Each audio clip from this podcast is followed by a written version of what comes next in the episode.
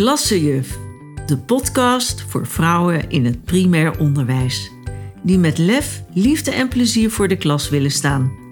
Mijn naam is Karen Wessels en ik ben enorm gedreven om je te helpen je rol in het communicatieproces vanuit een ander perspectief te bekijken.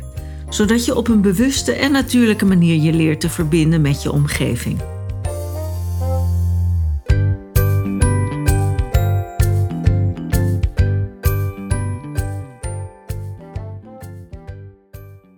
Vandaag iets heel actueels. De lockdown. Niet omdat ik het leuk vind. Of omdat het makkelijk is om het hierover te hebben. Maar omdat het iets is waar je niet omheen kunt. Ook ik niet. Het treft ons allemaal. Het is onze nieuwe realiteit. Wat een crazy week hebben we met elkaar beleefd. Eerst de nietszeggende persconferentie als prelude op wat er komen zou. De onvermijdelijke lockdown. Oftewel de nekslag voor onze samenleving. Als ondernemer ervaar ik ook onzekerheid en frustratie en voel ik diep mee met het MKB. Maar ook voel ik mee met alle ouders die en thuiswerken en hun kinderen moeten lesgeven. Al ben ik geen onderwijsouder. Ook nooit hoeven zijn trouwens, maar dat waren andere tijden. Wie had dit ooit kunnen bedenken? Dat dit ooit zou kunnen gebeuren? Ik in ieder geval niet. En ook leef ik mee met de jongeren die weer beperkt worden in hun bewegingsvrijheid en daarmee in hun ontwikkeling tot een evenwichtig mens.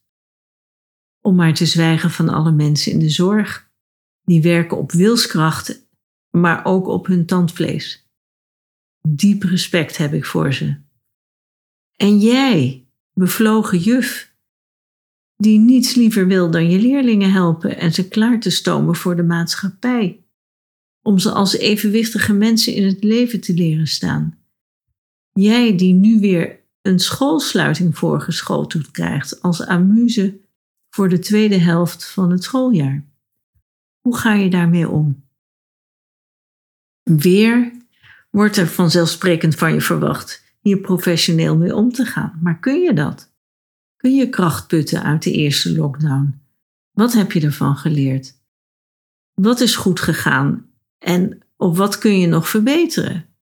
En hoe pak je dat aan?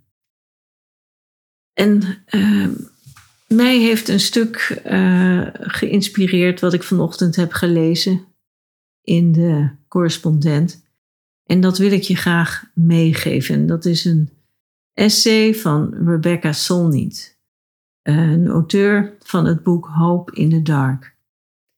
En daarin beschrijft ze het belang van de ervaringen en overwinningen van het verleden te blijven benoemen en door te geven. Ze schrijft: Wie vooruitroeit, heeft zijn blik naar achteren. Vertellen over de geschiedenis helpt mensen in de richting van de toekomst te sturen. En even later, op dit soort breukmomenten voelen mensen zich plots deel van een wij, die tot dan toe niet bestonden, althans niet als een entiteit met zeggenschap, met een eigen identiteit, met potentie. Overal duiken nieuwe mogelijkheden op. Of die oude droom over een rechtvaardige samenleving bloeit weer op al is het maar voor even. Mooi vind ik dit. Een beetje utopisch misschien, maar dat mag in deze tijd van het jaar. Ik weet niet hoe het voor jou is, maar kerst is voor mij altijd een enigszins beladen periode. Het staat niet alleen in het teken van licht, maar ook in het teken van gemis. Het gemis van dierbaren.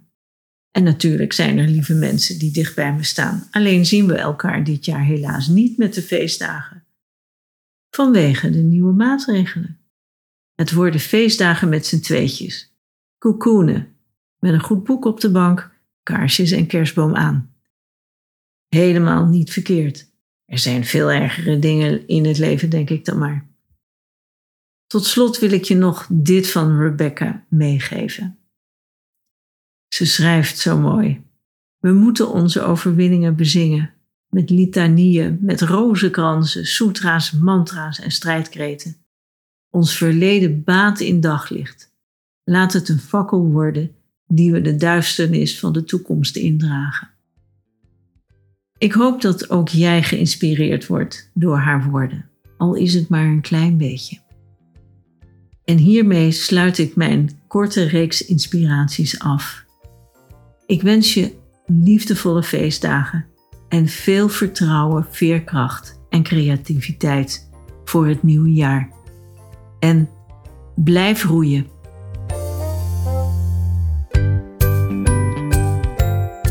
Leuk dat je luisterde. Vond je dit interessant of heb je nog vragen of opmerkingen? Laat het me weten via www.karenblad-wessels.nl contact of zoek me op op LinkedIn of Facebook. Ik hoop je te ontmoeten. Dag!